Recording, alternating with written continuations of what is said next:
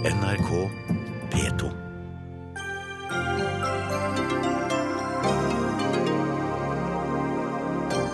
Er personvern for fremmedkrigere viktigere enn forskningen på dem? Forskningsprosjekt ble skrinlagt av personvernhensyn. Nå vil justisministeren se på saken. Bonden har fått det bedre med Frp, ifølge egenreklamen. Det er det motsatte som skjer, protesterer Småbrukarlaget.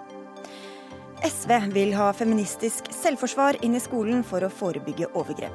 Slik legger de ansvaret over på jentene selv, mener Unge Høyre. Og oppdrettslaks er miljøbomber jeg ikke serverer barna mine, sier restauranteier. Laksen er sunn og trygg, sier forskningsdirektør, som kommer rett fra laksemiddag.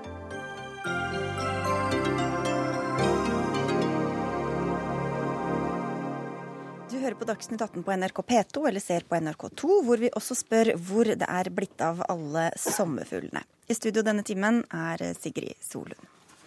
Datatilsynet gjør det umulig å forske på fremmedkrigere, mener Forsvarets forskningsinstitutt. På oppdrag fra regjeringa planla FFI å forske på syriafareres motiver gjennom å samle informasjon fra artikler og annen åpen informasjon og sortere den. Men Datatilsynet krevde at de i så fall informerte dem det gjaldt, noe som ble ansett som så vanskelig at prosjektet ble skrinlagt. Forsker ved Politihøgskolen Tore Bjørgo, Datatilsynet ville altså ikke gi unntak fra kravet om informasjonsplikt. Hva syns du om det? Nei, Det er jo paradoksalt at, at, forskere får så mye strengere rammebetingelser for hva de kan gjøre av innhenting og analyse av eh, data omkring disse personene, når vi sammenligner med hva journalister og faglitterære forfattere kan gjøre. Altså Vi ser at både nrk.no og f.eks. TV 2 har bygd opp omfattende databaser og, og publiserer gjenkjennbar informasjon, til dels med navn og bilde, mens vi forskere da ikke får lov til å gjenbruke den samme informasjonen og systematisere dette og analysere dette ut fra våre eh, vinklinger. Og det, det er en eh, det er riktig at vi skal ha strenge forskningsetiske regler, men noen ganger så går dette litt for langt bare si det at Datatilsynet ville ikke komme hit, og FFI kunne ikke. Men det er jo altså personvernhensyn som ligger til grunn. Hvorfor skal det vike for eh, forskninga? Nei, Personvern er jo viktig, men det er også slik at de ikke er absolutte. Og i dette tilfellet så dreier det seg da om mennesker som drar til et eh, borgerkrigsområde for å delta i væpna kamp i eh, samarbeid med organisasjoner som driver regelrette massakrer og terrorhandlinger. Og eh, det er jo da spørsmål hvor langt skal disse personvernhensyna strekke seg for å beskytte dem og deres virksomhet der. Og Det, det blir også et paradoks. Og så skal, skal, de kunne nekte å, å bli forska på fordi de vil bevare sin, sin eh, terroristiske virksomhet. Det er også et, et problem. Det, ja. Ja, kan, du skal få ordet etterpå også, men eh, til deg også, justisminister Anders Anundsen. Nå får du ikke den forskninga som du hadde ønsket deg, ser det ut til i hvert fall. Hva syns du om det? Nei, Jeg synes jo det er veldig trist. Dette er et eh, stort samfunnsproblem, eller et potensielt stort samfunnsproblem. Og denne forskninga ville gitt oss eh, et bedre beslutningsgrunnlag for å se på hvilke tiltak vi kan eh, gjennomføre for å hindre radikalisering og voldelig ekstremisme og rekruttering inn i radikaliseringsprosesser. Og Det var jo formålet med det oppdraget som vi ga FFI. Og vi syns jo selvfølgelig det er veldig trist at de nå har trukket seg fra dette, fordi de ikke har fått de unntakene fra personopplysningsloven eh, som eh, de har ønsket seg. Vi har også med advokat Jon Wessel. Og syns du at Datatilsynet burde latt FFI forske på dette uten å informere dem det gjelder? Jeg, jeg syns det er vanskelig, i hvert fall for meg, å være så konkret at jeg skal gi et fasitsvar på det. fordi jeg har heller ikke sett korrespondansen mellom Forskningsinstituttet og Datatilsynet her. Eh, men men jeg, det jeg vil si er at for det første så dreier dette seg om, om helt alminnelige krav uh, i personopplysningsretten. Altså at man får informasjon om hvem som samler inn, systematiserer og behandler opplysninger om seg selv. Uh, hva, man det, hva, man skal gjøre med dem, og, og, hva formålet er. Det er et helt alminnelig krav uh, som jeg tror folk setter pris på generelt.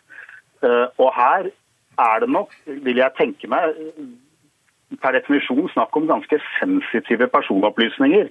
Eh, opplysninger som antageligvis vil kartlegge både politiske og religiøse holdninger.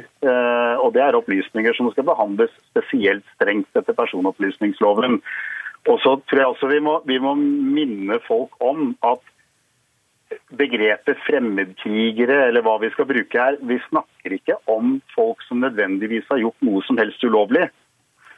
Eh, og når vi snakker om forebygging, eh, avverging av terror, eh, så skal vi også huske på at der har PST meget vide hjemler til å drive med akkurat det på personnivå, uten at de trenger å informere. Politiet, Det alminnelige politiet i Norge må informere folk hvis de samler inn og lagrer opplysninger om dem i kriminalitetsbekjempelsen. Det er også et helt vanlig vilkår, og det er ingen som stusser over det. PST har unntak fra det. Eh, bare, bare, for å ha de utgangspunktene. så Det er snakk om ganske sensitive opplysninger. og Det er ikke bare snakk om ting som har stått i media. Så vidt jeg skjønner, så er det å samle inn hva enkeltpersoner har ytret seg om, hva de har gjort i sosiale medier osv. Så, og, og, det andre jeg vil si, er at Du trenger ikke å si alt på en gang, vet du, Wesselås. nei, nei, nei men, men, men, kravet som er stilt, er jo rett og slett bare at du skal gi informasjon til dem det gjelder. Ja, og Hvorfor, eh, hvorfor kunne man ikke gjøre det? Men hør med Tore Bjørge, Hvorfor hadde det vært så vanskelig å bare si fra til dem det gjelder, om at vi samler denne informasjonen om deg som allerede ligger åpent på ulike nettsteder? Dette er jo personer som befinner seg i et borgerkrigsområde, og hvor man ikke nødvendigvis eh, er så enkelt å komme i kontakt med dem. Man kan selvfølgelig sette opp en plakat på, på en stolpe i Oslo og håpe at de vil lese det, men det gjør de ikke. Man kan gå inn på, på sosiale medier, og den er kanskje ikke lenger aktiv.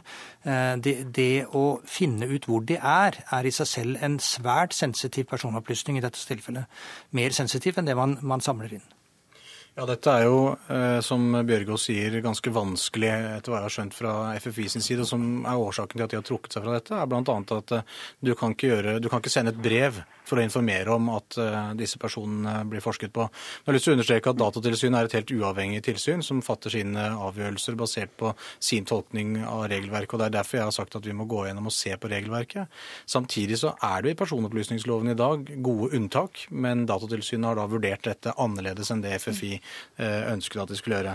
Så vil jeg også si at Vi er fortsatt opptatt av å få tak i denne forskningen og få dette inn på et rett spor. Så vi kommer til å gå ut med en ny utløsning av tilsvarende forskningsoppdrag, men da etter at vi har hatt en eh, gjennomgang av situasjonen med Datatilsynet. Vi er i kontakt med Datatilsynet nå for å se om vi innafor de rammene som gjelder i dag, likevel kan få til en ordning som er god nok. For det er riktig som Wesselås sier, at kravet som er stilt, er jo egentlig den laveste terskelen. Det er en informasjonsplikt, men det er en et dokumentasjonskrav for at en faktisk har gitt informasjon til forskningsobjektene.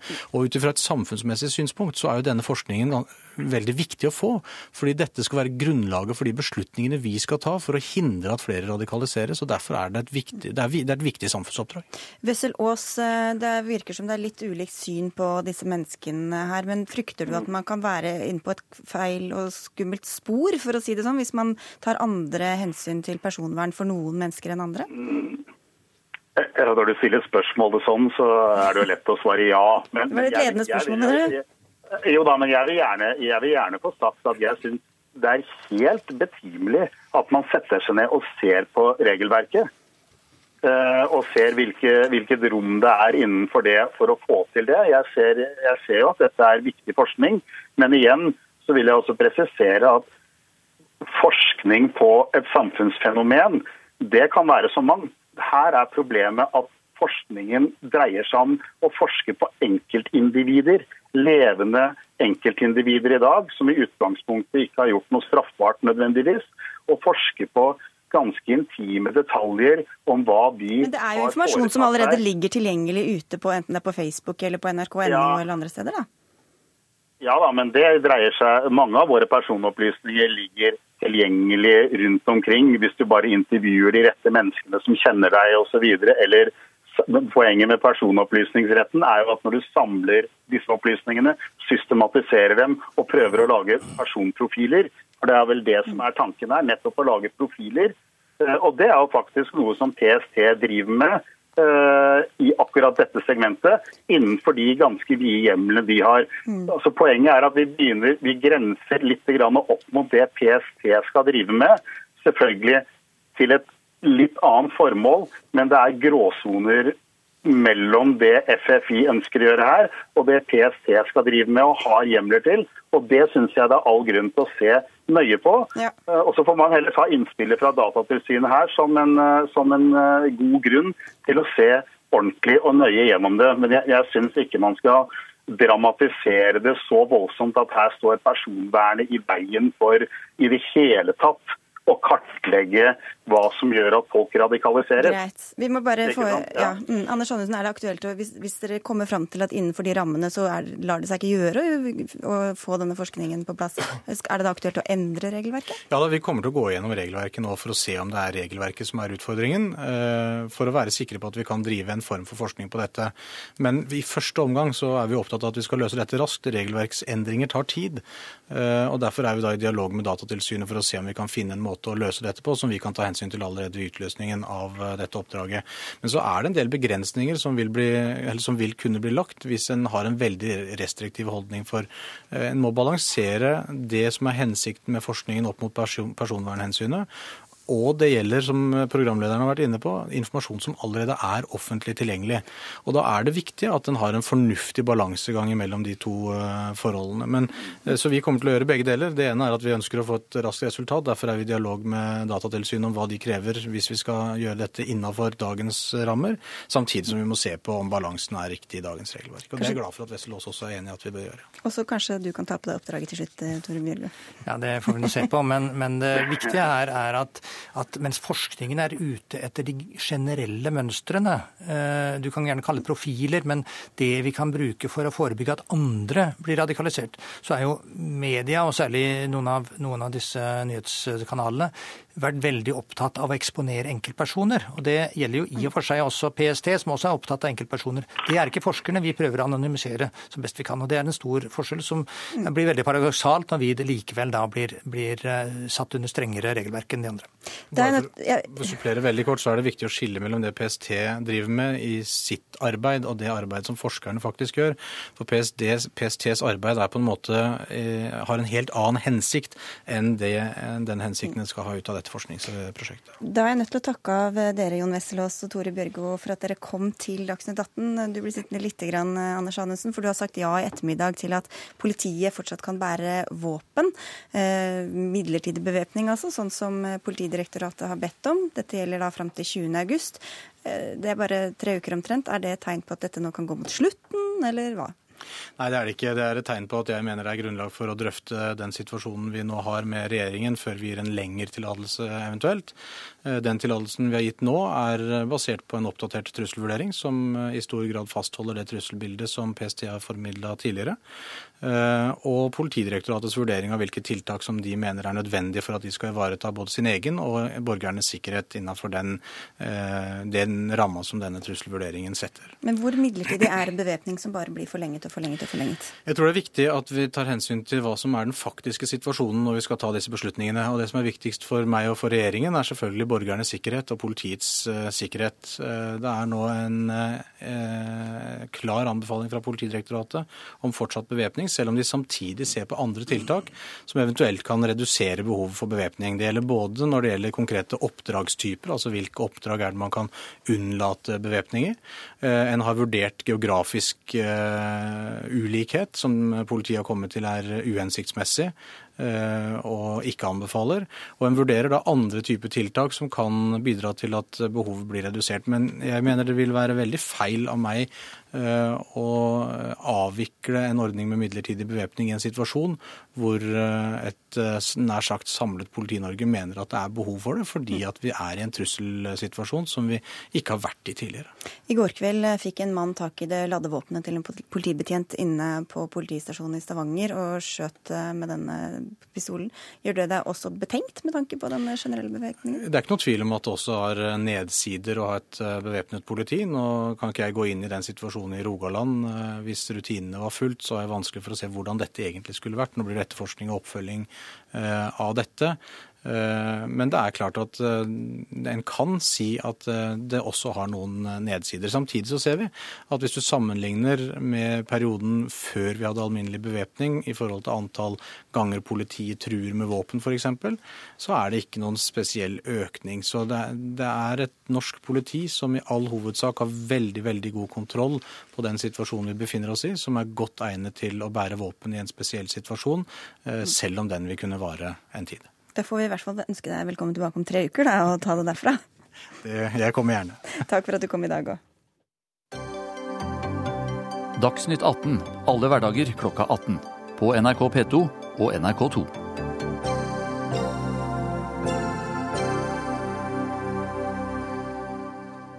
Et bilde av en solrik kornåker med skriften 'Bonden har fått det bedre med Frp'.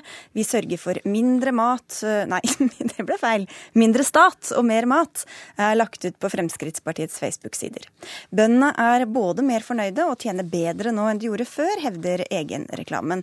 Men det gjelder ikke deg, Merete Furberg, leder av Norsk Bonde- og Småbrukarlag. Du sier til Nasjonen at det Fremskrittspartiet sier rett og slett er feil.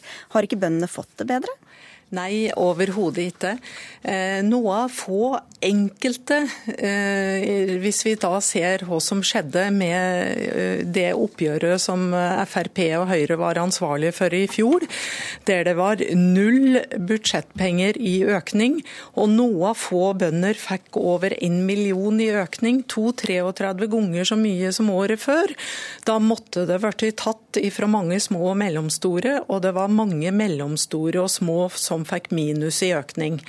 Og Når det gjelder bildet av en kønneåker, så at det ble tatt kanskje i fjor, så var det bra vær i fjor. Og eh, da spør jeg om eh, året i år og de avlinger som da vil i mange tilfeller være avlingssvikt, om da Frp og regjeringa skal ha æra for det òg.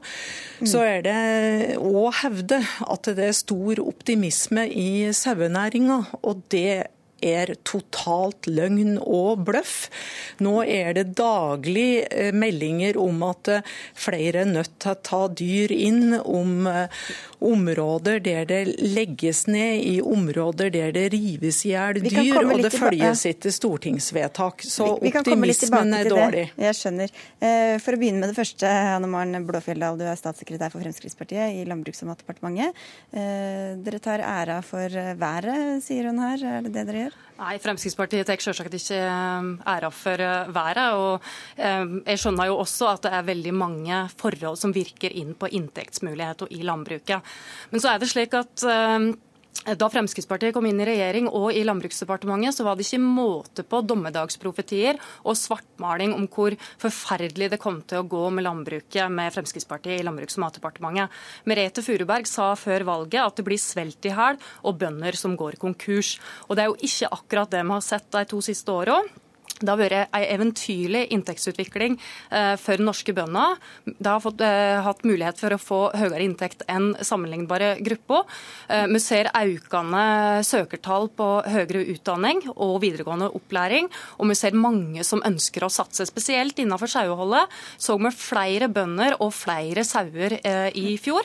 Og det er også økende etterspørsel etter melkekvote. Så det er mange som er optimistiske og ser positivt på framtida i norsk landbruk. Men så er det litt strukturen, da, hvem som har fått det bedre. Er det sånn at dere eh, vil at det skal bli større bruk, eh, mindre av disse som, dem som Furuberg representerer, som er de små og mellomstore brukene? Ja, Bonde- og småbrukarlaget liker å framstille som at vi skal tvinge folk til å bli større. Det er ikke det det handler om. Altså, Vi skal ha små og store bruk over hele landet. Det kommer vi til å ha. Men det vi har gjort, er eh, at det blir litt mer lønnsomt å å utvide produksjonen, fordi målsettinga til Stortinget og til regjeringa er å øke matproduksjonen. og Da må vi stimulere til eh, økt produksjon av mat, og stimulere til at de som ønsker å vokse, skal ha mulighet til det. Furuberg. Eh, for det første så ber jeg statssekretæren trekke tilbake en eh, sitering hun gir til HJ måtte ha sagt før valget. Det er totalt feil, så jeg appellerer til at motdebattanten holder seg til konkrete utsagn og ikke tar ting ifra lufta. Jeg har det fra Klassekampen her, som du kan få se seinere. Det er ikke korrekt i det hele tatt, men la det ligge. Vi får holde oss nå til fakta. Det stemmer at Stortinget ønsker økt matproduksjon matproduksjon. Og skal vi få til økt matproduksjon på norske ressurser og norske arealer, så må vi ha en mer framtidsrettet og en annen politikk enn den som da regjeringen, Høyre og Fremskrittspartiet legger fram til. De tar penger fra mange små og mellomstore og gir til de største. Og så, de store har fått det bedre da, eller er det sånn å forstå? Også, også midlertidig for dem blir det som å tisse i buksa, for det, står i regjeringserklæringen at først så skal vi øke kvotetak, grenser osv. Og, og flytte litt penger. Og så skal overføringen reduseres. Så det kommer til å bli verre for alle sammen. Men at det er mange bønder, mange mellomstore bønder, som har minusoppgjør, det har jeg konkret uh, meg. Og når det gjelder optimismen, så er det slik slik at den norske bonden gir seg aldri overhodet. Og det er jo slik at det her skifter det regjeringer ja. og det forskjellige, men det er dessverre mange som gir seg, og mange òg som har psykiske utfordringer. Ikke minst pga. Mm. økonomiske forhold. Bløfjelldal, er du enig i at én uh, gruppe har fått det bedre, altså de som driver stort, mens de som Furuberg representerer, ikke har fått det bedre? kanskje verre? Eh, først så må jeg si at jeg syns dette er en veldig depressiv beskrivelse av norsk landbruk. Både Bonde- og Småbrukarlaget og Bondelaget var opptatt da vi kom inn i regjering at vi, ønsket, at vi måtte framsnakke næringa. Og nå mener jeg at Bonde- og Småbrukarlaget òg må glede seg over at det går bra i norsk landbruk. Vi ser positive tendenser både ja, men hun mener vel at ikke det er så ensidig, da? At eh, for hennes gruppe eller dem hun representerer, så er det ikke positivt? Ja, ja, men det er jo ikke sånn at det er noe tvang om å bli større. Altså Det vi har gjort er jo blant annet Har de fått dårligere vilkår, de som er driver smått og? Nei, altså fortsatt så er det jo slik at du får Altså et lite melkebruk eh, får jo fire ganger så mye i støtte per ku som et mellomstort eller stort melkebruk. Så det er jo fortsatt sånn at de små brukene får mye mer betalt per enhet over eh, jordbruksavtalen enn eh, det de store får. Så det er jo fortsatt mulighet til å ha små og store bruk over hele landet. Det vi har gjort, er at vi skal gjøre det litt mer rettferdig for de som er store. Altså, Man har innført eh, fjerna en del tak. Eh, man har dobla konsesjonsgrensa for kylling og kalkun, noe som gjør at de som driver med kyllingproduksjon, har mulighet til å drive på heltid. Før var de tvunget inn i eh, deltid. Man har også dobla kvotetaket på mjølk, noe som gjør at folk viser investeringsvilje innenfor mjølkeproduksjon. Det er rekordstor etterspørsel etter mjølkekvoter, og folk hadde ikke spurt etter, etterspurt mjølkekvoter hvis de ikke tenkte positivt uh, framover. Tenk positivt det er Fure Wiborg, du får avslutte helt kort her. Ja, vi skal tenke positivt og satse på framtida. Og heldigvis så er det trender og tendenser og utvikling i verden og framtida. Vi får håpe at Høyre og Frp vil satse på framtidsrette eh, virkemidler og politikk, og ikke mer av de gammeldagse virkemidlene som de nå kommer med, og fører oss inn i gjeldskrise, slik som det er i Danmark. Men det vokser bra i Eh, norsk jordbruk, og det skal de gjøre. Og vi håper vi kan få med til og med Fremskrittspartiet på en annen politikk enn den her gammeldagse politikken de fører. Nå ristet det på hodet her i studio, så jeg tror ikke du har nådd helt gjennom. Nei, og jeg får ikke lov til å kommentere på slutten. sånn her, fordi med, Det med danske tilstander blir veldig, ja, veldig, veldig tåpelig. Det kommer til å ha små og store bruk over hele landet, og geografien i Norge er helt annerledes enn ja, i da, Danmark. Da må eh, Fremskrittspartiet og Høyre bruke virkemidler som gjør at vi da får brukt jordarealene i Norge. Det som økes, er økende import, og det svekker matsikkerhet for folket. Vi har eh, ikke mer tid til dette dessverre nå, men takk skal dere ha, i hvert fall begge to. Merete Furuberg fra Bonde- og Småbrukarlaget og eh, Hanne Blåfjelldal fra Landbruksdepartementet. Takk skal dere ha.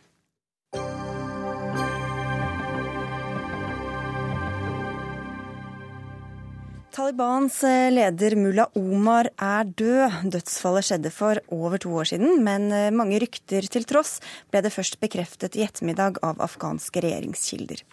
Den enøyde lederen har vært som sunket i jorda siden USAs invasjon i 2001, og Taliban har stadig tilbakevist eh, mangeårige rykter om at han har vært død, noe de også fortsatt gjør. Sigrun Slapgard, du er utenriksmedarbeider her i NRK og har fulgt denne saken i dag.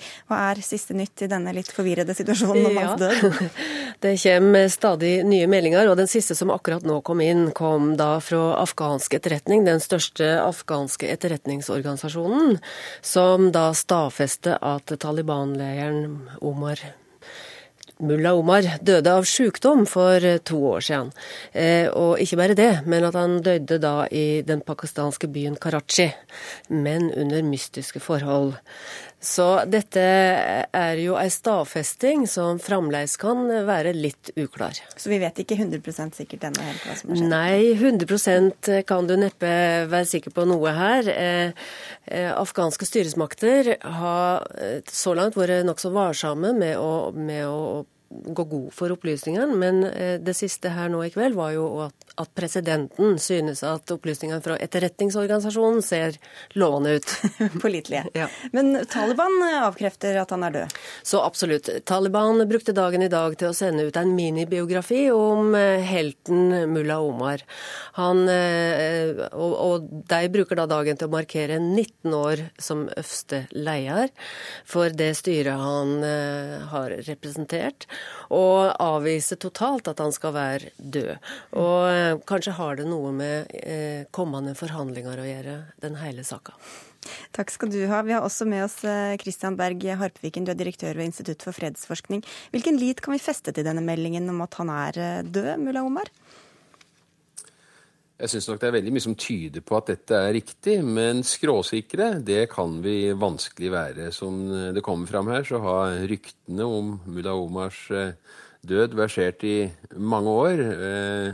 Og nå kommer det noe som i større grad ligner på bekreftelser, først og fremst fra den afghanske regjeringas side. Men det har jo også vært eh, antydninger til bekreftelser fra enkelte talsmenn for Taliban. Jeg tror det aller mest vesentlige med det som har skjedd eh, eh i dag og over de siste par dagene, er at det nå er skapt et inntrykk innenfor store deler av Taliban-bevegelsen av at mulla Omar faktisk er gått bort. Og på tross av de omfattende ryktene over flere år, så er det et inntrykk som tidligere ikke har fått feste blant verken ledelse eller, eh, eller eh, følgesvenner i Taliban.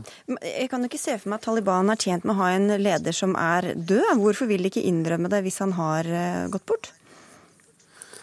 Spørsmålet er hva som er alternativet. da, og Mullah Omar har vært en eh, samlende leder for Taliban. Han ses på som bevegelsens grunnlegger. Han eh, var en av de, eh, en håndfull menn som tok initiativet til Taliban som en slags protest mot de gamle mujahedin, de gamle motstandskjemperne fra krigen mot Sovjet, og hvordan de hadde håndtert sin politiske makt når bevegelsen ble etablert i august 1994. Han eh, ble senere utnevnt til eh, såkalt emir ul-Mominin, eh, leder for de troende, ikledt det mange tror er likkledet etter Mohammed, som skal befinne seg på et museum i Kandahar. Veldig mange av lederne i Taliban har sverget troskap, en religiøs ed, en såkalt bayat, til mullah Omar. Det er en ed som man senere vanskelig kan frigjøre seg fra.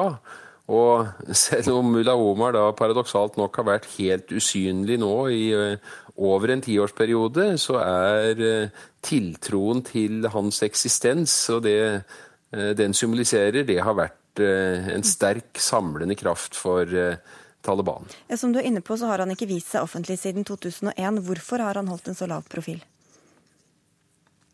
Nei, det er usikkert, og der finnes det veldig mange teorier. Eh, den mest trivielle teorien er jo rett og slett at mulla Omar ikke er en mann som ønsker å vise seg synlig. Vi må jo huske at eh, den tiden eh, han satt med politisk makt i Afghanistan, som landets faktiske regjeringsoverhode fra 1996 til 2001, så var det fullstendig forbud mot å avbilde menneskelige skapninger. Det ser vi jo i dag, i kraft av det faktum at når BBC legger ut et bilde på sine nettsider, så er det et bilde som er fra en eller annen gang på 1990-tallet, og det eneste bildet som finnes av Mulla Omar. Og det er til og med usikkerhet om hvorvidt det er eh, han det er eh, bilde av. Men eh, det kan jo også være at Mulla Omar har vært under en grad av kontroll av sitt vertskap, pakistanske myndigheter, som ikke har ønsket å eksponere han, og som kanskje har utsatt han for betydelig press for å danse etter deres eh, politiske pipe. Og dette er bare to av eh, Utallige, en lang rekke ja. mulige forklaringer. du, Helt på tampen her, Harpviken, hva, hva kan det bety for Taliban hvis han nå viser seg å være død? Jeg tror det betyr veldig mye, og den umiddelbare utfordringen er jo å erstatte han som eh, toppleder for bevegelsen. Det er ingen eh, åpenbare kandidater der. Faren for eh, Talibans splittelse er stor.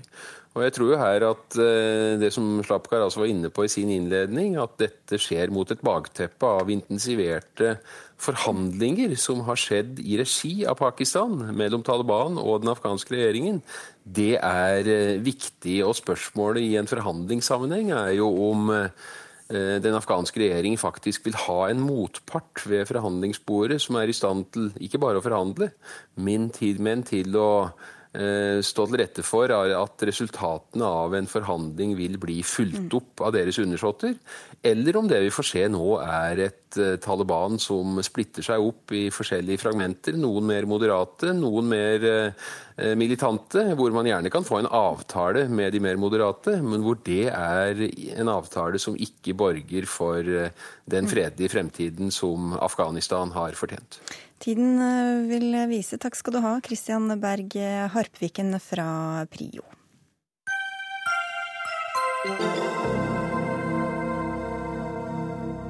Afghanistan til eh, Tyrkia, samtidig som eh, Tyrkia har gått i krig mot eh, terrororganisasjonen som kaller seg Den islamske stat, har de også angrepet en annen gruppe, nemlig det kurdiske partiet PKK. De har lenge vært i en fredsprosess med tyrkiske myndigheter, men nå har president Erdogan avblåst den. Situasjonen i Tyrkia er anspent. I går fikk presidenten Natos velsignelse for krigføringen mot IS, noe som også blir brukt i den innenrikspolitiske debatten. Se her, Aydar, du er selv kurder. Du leder Solidaritet med Kurdistan og jobber også for Antirasistisk Senter. Og du har vært veldig kritisk til dette angrepet på PKK. Hvorfor det? Først og fremst fordi jeg er mot krig. Eh, når vi snakker med folk som er der nå, så hører vi om en veldig usikker situasjon. Eh, fordi det har vært en fredsprosess som har gjort at eh, mange liv har blitt verga. Altså flere fra en tid der det har vært blodbad, til en tid der man faktisk har hatt politisk dialog, har vært veldig stor for alle i Tyrkia, uansett hva slags bakgrunn de har. Men nå har, er ikke dette angrepet bare mot PKK, det er mot hele fredsprosessen. Derfor så er jeg veldig veldig kritisk til det. Hvorfor tror du han eh, gjør dette nå, da, samtidig som denne eh, krigen mot IS? Altså, Først og fremst så må vi skille krigen mot IS veldig fra eh, det som skjer nå. Eh, fordi PKK har vært de fremste til å kjempe mot IS. Eh, en svekkelse av PKK er en svekkelse av kampen mot IS. Det er det første. Det andre er at det fins en ubalanse mellom hvor mye Tyrkia angriper IS, eh, mot hvor mye Tyrkia angriper PKK. Eh, bare se på jagerflyene. Det har vært eh, tre jagerfly mot IS, mens det har vært 75 jagerfly mot PKK med 400 bombinger. Eh, dette beviser eh, ubalansen. Det samme gjelder også arrestasjoner. Eh, over 90% av de som har blitt arrestert, er kurdere eller venner av kurdere. Du antyder at det er nærmest han bruker IS-kampen som et skalkeskjul for å angripe PKK? Ja, så klart. Det er helt tydelig. Han uh, fikk en anledning til å gjøre det, for IS har vært der i fire år. Uh, Tyrkia har ikke gjort noen ting for å stoppe IS, men de har fått et press fra mm. internasjonalt, og nå bruker de dette som en anledning. Morten Myksvold, du er redaktør på tyrkisk politikk ennå. Er kampen mot PKK en legitim kamp, etter ditt syn? For så vidt ja, for de fleste er jo enige om at det er legitimt for en stat å gjengjelde terror. og Tyrkiske myndigheter mener at PKK har stått for omtrent 2000 væpna angrep til nå i år. Eh, bl.a. 170 bombeangrep før våpenhvilen eh, da ble brutt. Men, men, jeg tror det ligger andre motiv enn bekjemping av terror eh, bak det at Tyrkia angriper PKK nå. er du enig i den analysen om at det er et slags skalkeskjul, denne kampen mot IS, eller? Nei, ikke helt. Altså, avtalen mellom USA og Tyrkia går ut på at uh, Injirlik-basen blir åpna for USA, og at USA skal stå for de fleste luftangrepene mot, mot IS. Så Det er en, en måte, avtale de har gått inn på. Så Det var ikke forventa at Tyrkia kom til å stå fremst i, i køen på rullebanen med, med jagerfly. Men, men, som sagt, jeg tror det er innenrikspolitiske mål eh, som ligger bak at eh, Tyrkia angriper PKK nå. Um, se her, eh, Aydar. Eh, PKK er definert av EU og USA bl.a. som en terrororganisasjon. Hvordan vil du beskrive PKK? PKK er en frigjøringsbevegelse. Det PKK har gjort, er selvforsvar. For det er nemlig en stor forskjell mellom å drive selvforsvar når du blir angrepet. Vi må huske at den kurdiske befolkningen har blitt angrepet i mange tiår. Språket har vært ulovlig, landsbyer har blitt brent, mennesker har blitt drept. Det er fortsatt mange som vi aldri har hørt fra, som vi ikke vet hvor er engang. Det de har gjort, er, er rett og slett Eh, selvforsvar. Og så må vi huske at eh, det var PKK som tok initiativ til den fredsprosessen vi har i dag. Og de roper fortsatt om fred, til tross for 400 angrep. Eh, hva sier du, Myksvold? Er du enig i beskrivelsen av PKK som en fredelig eller selvforsvarsfrigjøringsbevegelse? Først og fremst er jeg enig i at kurdere har blitt, blitt, utsatt for massive overgrep opp gjennom historien. Eh, og når du diskuterer om det er en terrorbevegelse eller frigjøringsbevegelse, så er det ofte en politisk eh, definisjon som ligger bak. Noen mener terror, noen mener frigjøring. Det er alt etter hva sida du står på. Men det er jo òg tydelig at de bruker vold mot politiske motstandere for å oppnå eh, politisk makt. De har stått for rene henrettinger, selvmordsbombe, væpna angrep og bombeangrep. Så det er på en måte mulig å, og grunnlag for å si at PKK bruker terror som virkemiddel. Eh, men hva du måtte lande ned på, regjeringshær og, og terrorgruppe, handler om om du støtter deres sak eller ikke. Ja, Det gjør vel du, Seher Eidar. Ja, og det er jo ikke bare det det handler om. Jeg vil sitere Nelson Mandela eh, om denne saken her. For han sier jeg er ikke eh, deres gjest. Han snakker til kurderne. Jeg er en del av denne kampen. Jeg er en del av den kurdiske kampen. En gang så ble jeg også kalt terrorist. En gang ble mitt parti også kalt terrorist. I dag er jeg president av Sør-Afrika. Så sa han det, det samme vil dere oppleve. Han sammenlignet selv eh, sin bevegelse med den kurdiske bevegelsen, og det tror jeg vi skal ta til oss. Men eh, Morten, ja, Morten Myksdal? Ja, og, og, Sånne eh, begrep endres jo over tid. Sant? At uh, En får et annet syn på hva organisasjonen er. En ser jo nå at uh, det er deler av amerikansk høyreside som, som, er for å væpne PKK. En marxistisk gruppering som har tette bånd til Iran. Det sier jo noe om at ting snur i, i internasjonal politikk. Altså, først og fremst så må jeg bare rette på deg. Uh, PKK har nesten ikke noe tette bånd med noen land. det første er at vi må huske at PKK har stått i spissen for kampen mot IS. Eh, og når de gjorde det, når de reddet jesidiene fra de fjellene, så snakket hele verden om at de var helter. Ja. Fra å gå fra å være helter, så blir man terrorist. Ut ifra rent politiske interesser. Det er bare det det handler om. Men du er jo enig i at de også driver med terror? Og, og eh, det, har en, det, har vært en, fredsprosess der, man, eh, der, de har trukket seg ut av tyrkiske områder. Og også kalte inn til en kongress for å legge ned våpenet. Så det som skjer nå, er massiv ødeleggelse av en fredsprosess der PKK var på vei til å legge ned våpenet. Men uh, også PKK selv sier at de har endret strategi, at de ønsker dialog. Hva slags støtte har egentlig PKK blant tyrkiske kurdere, Morten Myksvold? Den er til dels ganske stor. Eh, det er usikkert hvor stor støtten blir hvis, eh, hvis voldsbølger blåses opp igjen nå. Eh, for PKK har gått i retning av å, å, ikke søke en egen stat med mer autonomi, og de har gått i retning av å legge ned våpnene. Og Det har gjort at støtta har økt. Det jeg undrer meg mest på, er egentlig hva konsekvenser dette får for det prokurdiske HDP. Eh, de er i en mellomposisjon nå der de blir eh, skvist fra tyrkisk side og fra, fra, PKK.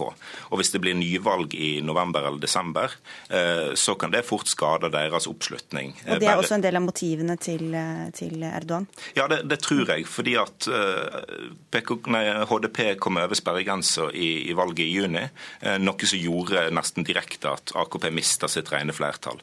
Hvis de klarer å skape splid mellom kurdere og får tyrkere som som stemte på HDP nå, til å ikke gjøre det eh, i et eventuelt nyvalg, eh, så vil det styrke eh, AKP sine sjanser i, det valget. Så Det er der jeg på en måte mener at angrepet på PKK er mindre legitimt enn det egentlig skulle se ut som. fordi at det er nok de motivasjonene som ligger bak, ikke svarene på de omtrent 2000 væpna angrepene vi har sett til nå i år. Som, som Tyrkia påstår. Ja da, som Tyrkia påstår. Vi får avslutte der, eh, og tusen takk til begge to. Seher Aydar eh, fra Solidaritet med Kurdistan og Morten Myksvold som driver bloggen Tyrkias politikk. Altså. Hør Dagsnytt 18 når du vil. Radio NRK.no.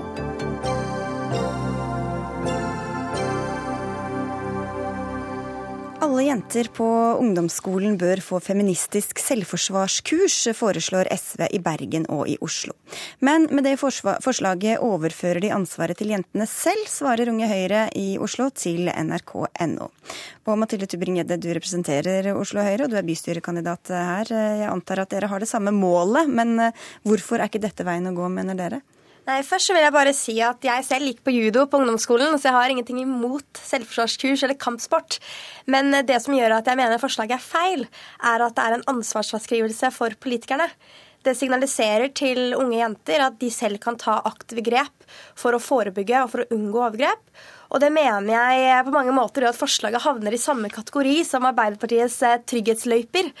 Det gjør at man eh, mener at jenter kan eh, gjøre noe forebyggende og unngå at man ikke føler seg trygg i byen. Og det mener jeg er feil vei å gå. Og så vil jeg bare si en kort ting, og det er det at jeg synes det er en utrolig viktig problemstilling å ta opp. Men da bør man heller gjøre noe med det som faktisk gjør at folk er og føler seg trygg. Og det er jo rene og pene byrom, det er mer synlig politi, og det er mange av de tiltakene som Oslo Høyre allerede gjennomfører i Oslo. Og som dere, Dette er jo ikke det eneste punktet på lista deres eh, fra Oslo SV heller, dere har jo mange andre. Men hvis vi holder oss til dette nå, Sunniva Holmås Eidsvoll, du er også bystyrekandidat for SV i eh, Oslo. Hvorfor vil dere ha disse feministiske selvforsvarskursene? Det er det mange grunner til. Det aller viktigste det er at seksuell trakassering og seksualisert vold mot kvinner i Norge det er et kjempestort samfunnsproblem. og Da må vi som politikere ta ansvar. Dessverre så er det en del av veldig mange unge jenters hverdag også. Det skjer i skolegården, på nachspiel eller når man er sammen med kjæresten sin. Og Den svenske Ørebro-undersøkelsen den viser at sju av ti jenter på ungdomsskolen har blitt kalt hore, ludder eller bitch. Over halvparten av jentene på ungdomsskolen har opplevd å bli tatt på puppene eller på rumpa uten at de ønsker det. Dette, dette, er liksom situasjonsbeskrivelsen som dere ja. sikkert også er enig i. Ja. Hvorfor trenger man da disse kursene? Fordi fordi hun sitter og sier at her kan ikke jentene gjøre noe, det må vi slutte å gi det inntrykk av.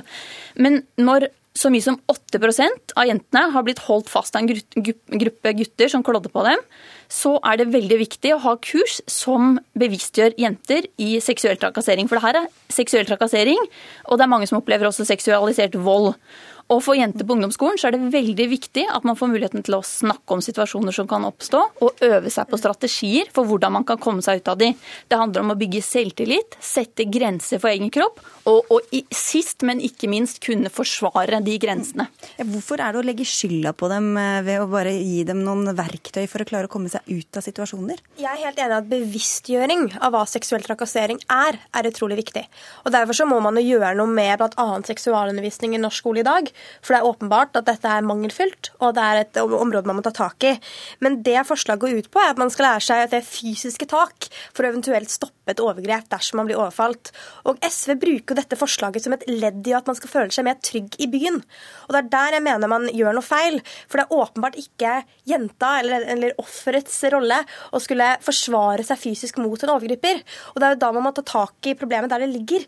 Og det er jo ikke hos offer eller jenta. Eller da? Er det enten eller at man enten sier at eh, det er jentas feil eller eh, Altså, det, det, er vel ingen som sier at det er jentas feil noen gang uh, uansett? Det er men... veldig få som Det er jo ingen som mener at det er jentas feil, men allikevel så ser man at debatten dukker opp stadig vekk. Det er spørsmålet hvor kort var skjørtet, hvor høye var de høyhælte skoene.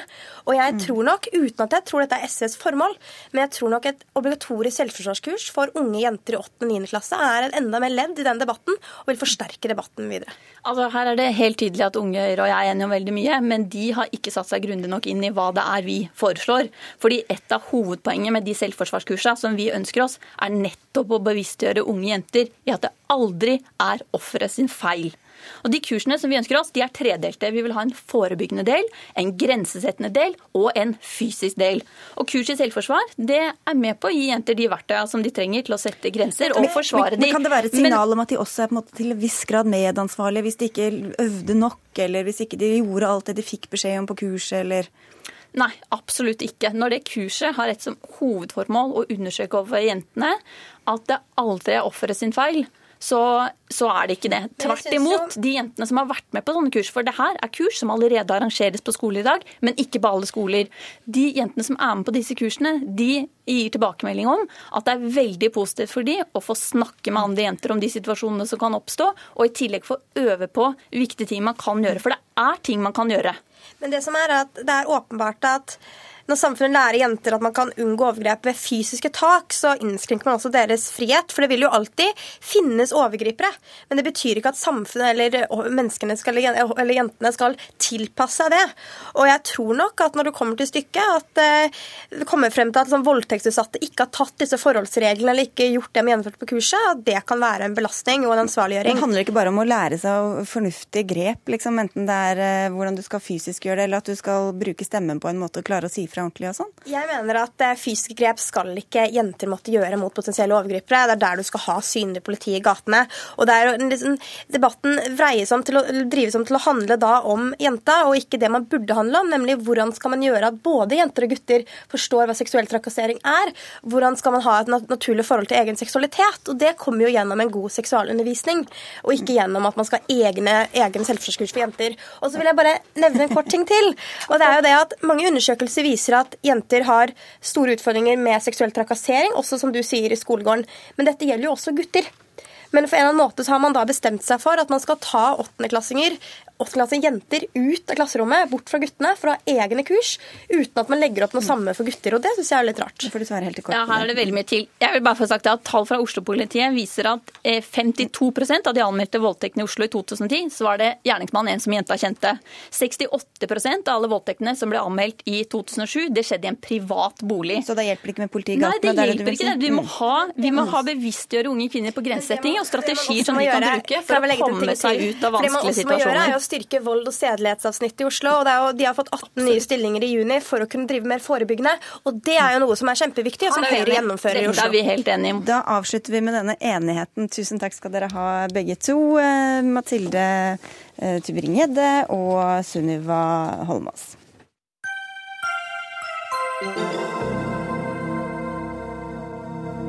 Spis laks, det er sunt og godt, blir vi fortalt. Men i gårsdagens VG ble flere kokker og restauranteiere spurt om hvilken mat de nekter å spise, og da var svaret fra en av dem oppdrettslaks. Og det svaret kom fra deg, Jan Vardøen. Det stemmer. Hvorfor sier du at du ikke vil spise oppdrettslaks, langt mindre gi det til barna dine?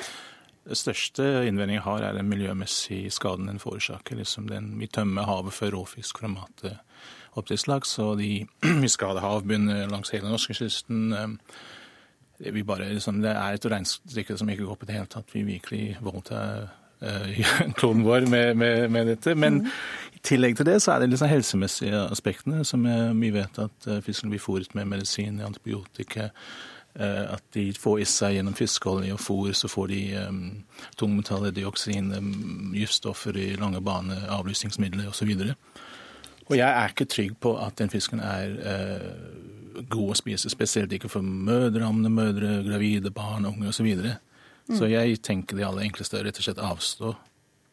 Vi skal høre med forskeren her også. Ingvild Eidegraft, du er forskningsdirektør for trygg og sunn sjømat ved Nasjonalt institutt for ernærings- og sjømatsforskning.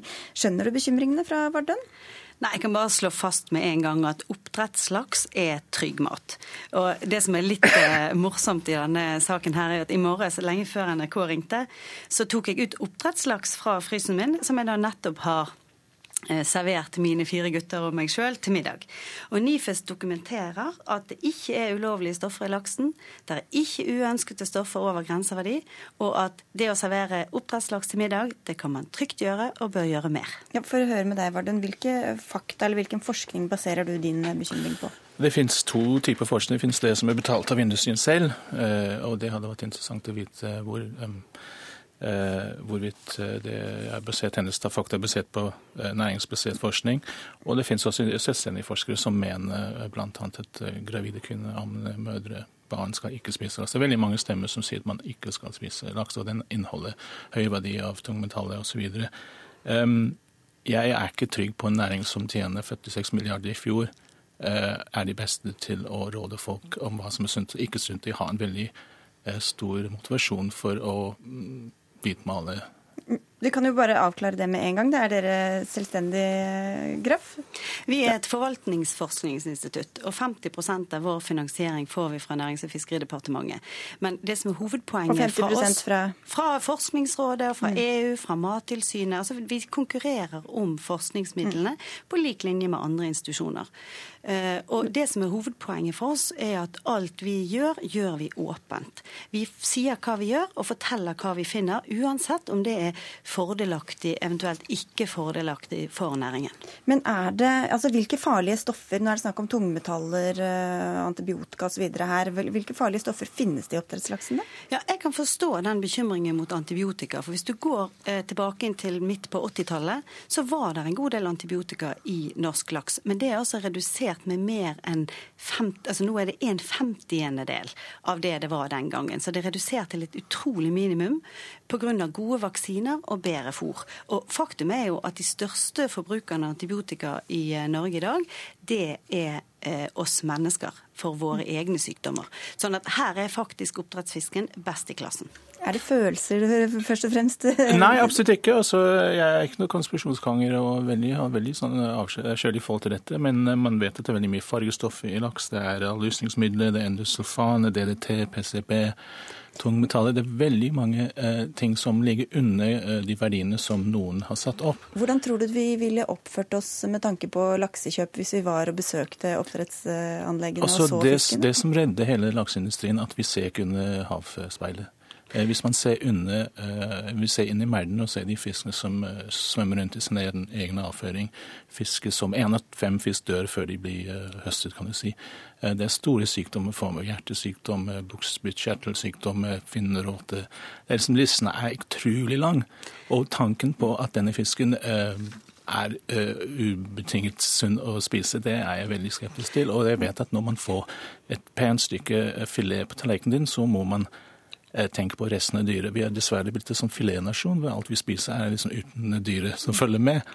Eh, etter vi hadde sett hele fisken, hadde, og spesielt inni merdene, så hadde vi aldri spist den. Men bare for å slå fast med en gang at norsk oppdrettslaks er trygg mat. Eh, NIFES mottar i overkant av 12 000 oppdrettsfisk hvert år som Mattilsynet tar ut på de ulike anleggene. Vi har aldri i de siste 10-12 årene funnet ulovlige stoff i denne laksen, og vi har ikke funnet uønskede stoff over grenseverdi. Og dette er jo eh, grenser fastsatt av EU, ikke av Norge. Det betyr at dette er trygg mat. Eh, sånn at det at laksen er full av dioksiner og PCB og tungmetaller, det er ikke riktig. Men én ting er jo om den er farlig med tanke på grenseverdier osv., men den har vel mistet en del f.eks. av den sunne omega-3-en som den hadde tidligere. Hvor, hvor, viktig er den sånn næringsmessig? Ja, laksen er fortsatt en av de aller beste kildene vi i dag har til marint omega-3. Det er jeg ikke helt sikker på. Så vi har to typer omega-3 og 6. Ehm, den typen eh, som er nå hoved, eller dominerer i laksen, er omega-6, som de får eh, hovedsakelig planteolje fra, fra f.eks. soyaprotein og eh, maisprotein, som er GMO, som genmanipulert. Nei. Nei, det kommer, det kommer ikke omega-6 fra soyaproteiner. Et protein som går inn i laksen, det blir et lakseprotein uansett. Det er riktig at det er to viktige fettsyrefamilier, og vi trenger begge to. De marine omega-3-fettsyrene, som er de vi hovedsakelig tenker på sjømaten som en kilde til, er laks fortsatt en av de aller beste kildene vi har, sammen med makrell og sild. Det er riktig at det har blitt redusert noe de siste årene, men fortsatt er han vesentlig bedre enn nesten alle andre matvarer. For Spørsmålet er jo litt sånn hva alternativet er også, Jan Vardøen. Vi vet altså, at er... Kylling skal man ikke spise, laksen er farlig, svin eh, mm. bør man heller ikke spise. Det er det som er så fryktelig trist med hele, hele debatten, at, og nok en ting vi ikke kan spise. Mm. Og, liksom, og, Det er jo en sannhet at vi lever i en verden som er i ferd med å bli mer og mer forurenset. Og det er fryktelig trist at vi må passe på alt vi spiser, men det er nettopp det vi må gjøre hvis vi med tanke på barn.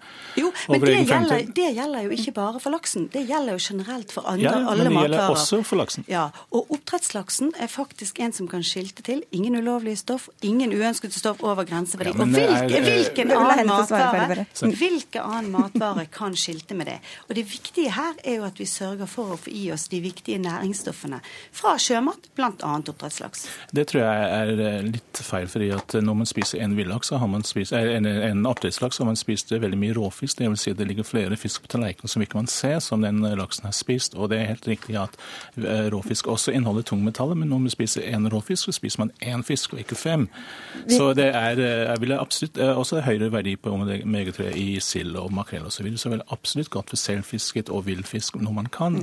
Eh, Jo, men hvis du, hvis du tenker på trygg mat, så er både makrell og sild og villaks og oppdrettslaks trygg mat. Men faktisk er det sånn nå at fordi man ikke ønsker å utarme ressursene på marine oljer, så har man gått mer og mer over til vegetabilske oljer. Og det reduserer faktisk innholdet av dioksin og dioksinlignende PCB. Det reduserer innholdet av tungmetaller. Så nå er faktisk nivåene lavere i oppdrettslaks enn den er i villaks. ok, Vi er nødt til å avslutte. Beklager, Ingvild Eide Graff. Vi hørte du spiste laks før i dag. Nå skal du ut og feire bursdagen din, eh, Jan Vålen. Da er det ikke laks som står på budsjettet. Nei. Nei, ikke laks. Men takk for at dere kom hit, i hvert fall, begge to.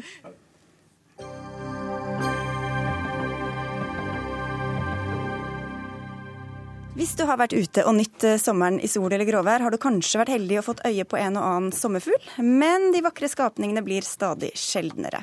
Flere forskningsrapporter tyder på at halvparten av sommerfuglene i Europa rett og slett er borte. Og hvorfor er det det, Petter Bøckmann, du er zoolog ved Naturhistorisk museum ved Universitetet i Oslo? Hvis jeg visste det, så hadde det nok drysset både forskningsmidler og mye annet rart meg. Eh, Nei, vi vet ikke.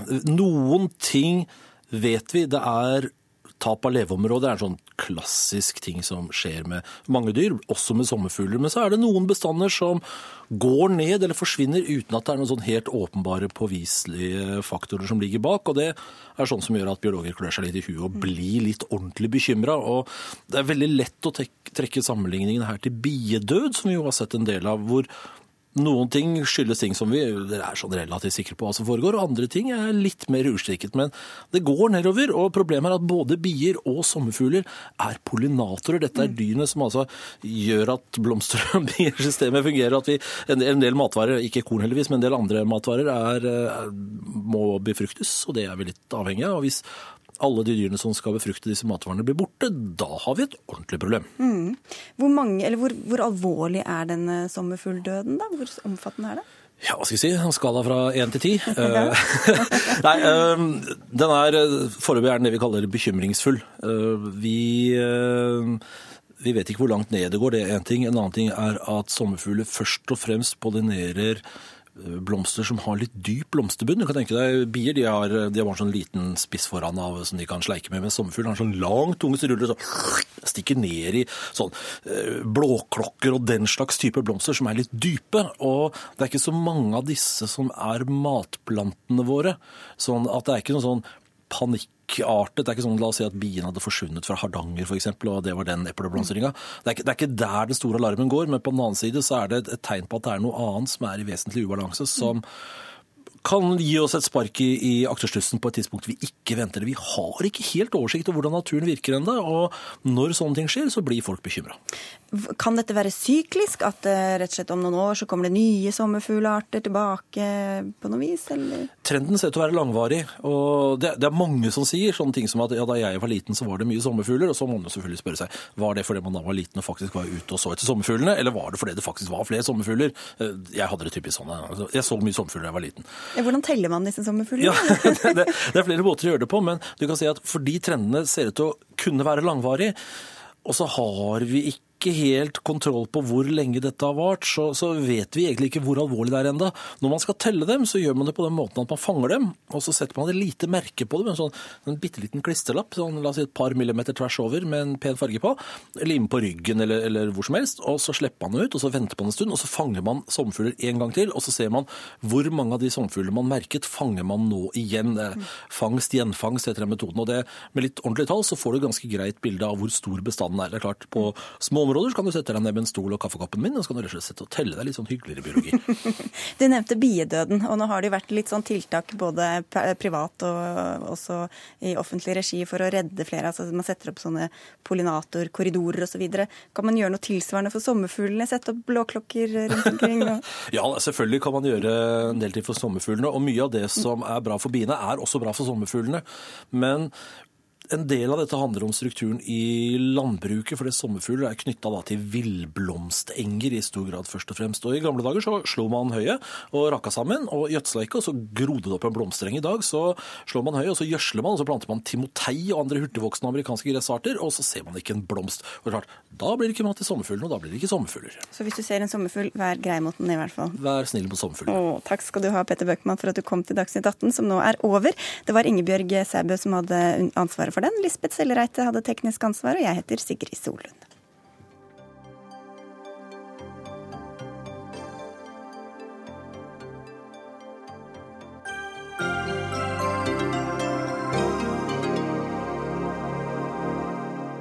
Hør flere podkaster på nrk.no podkast.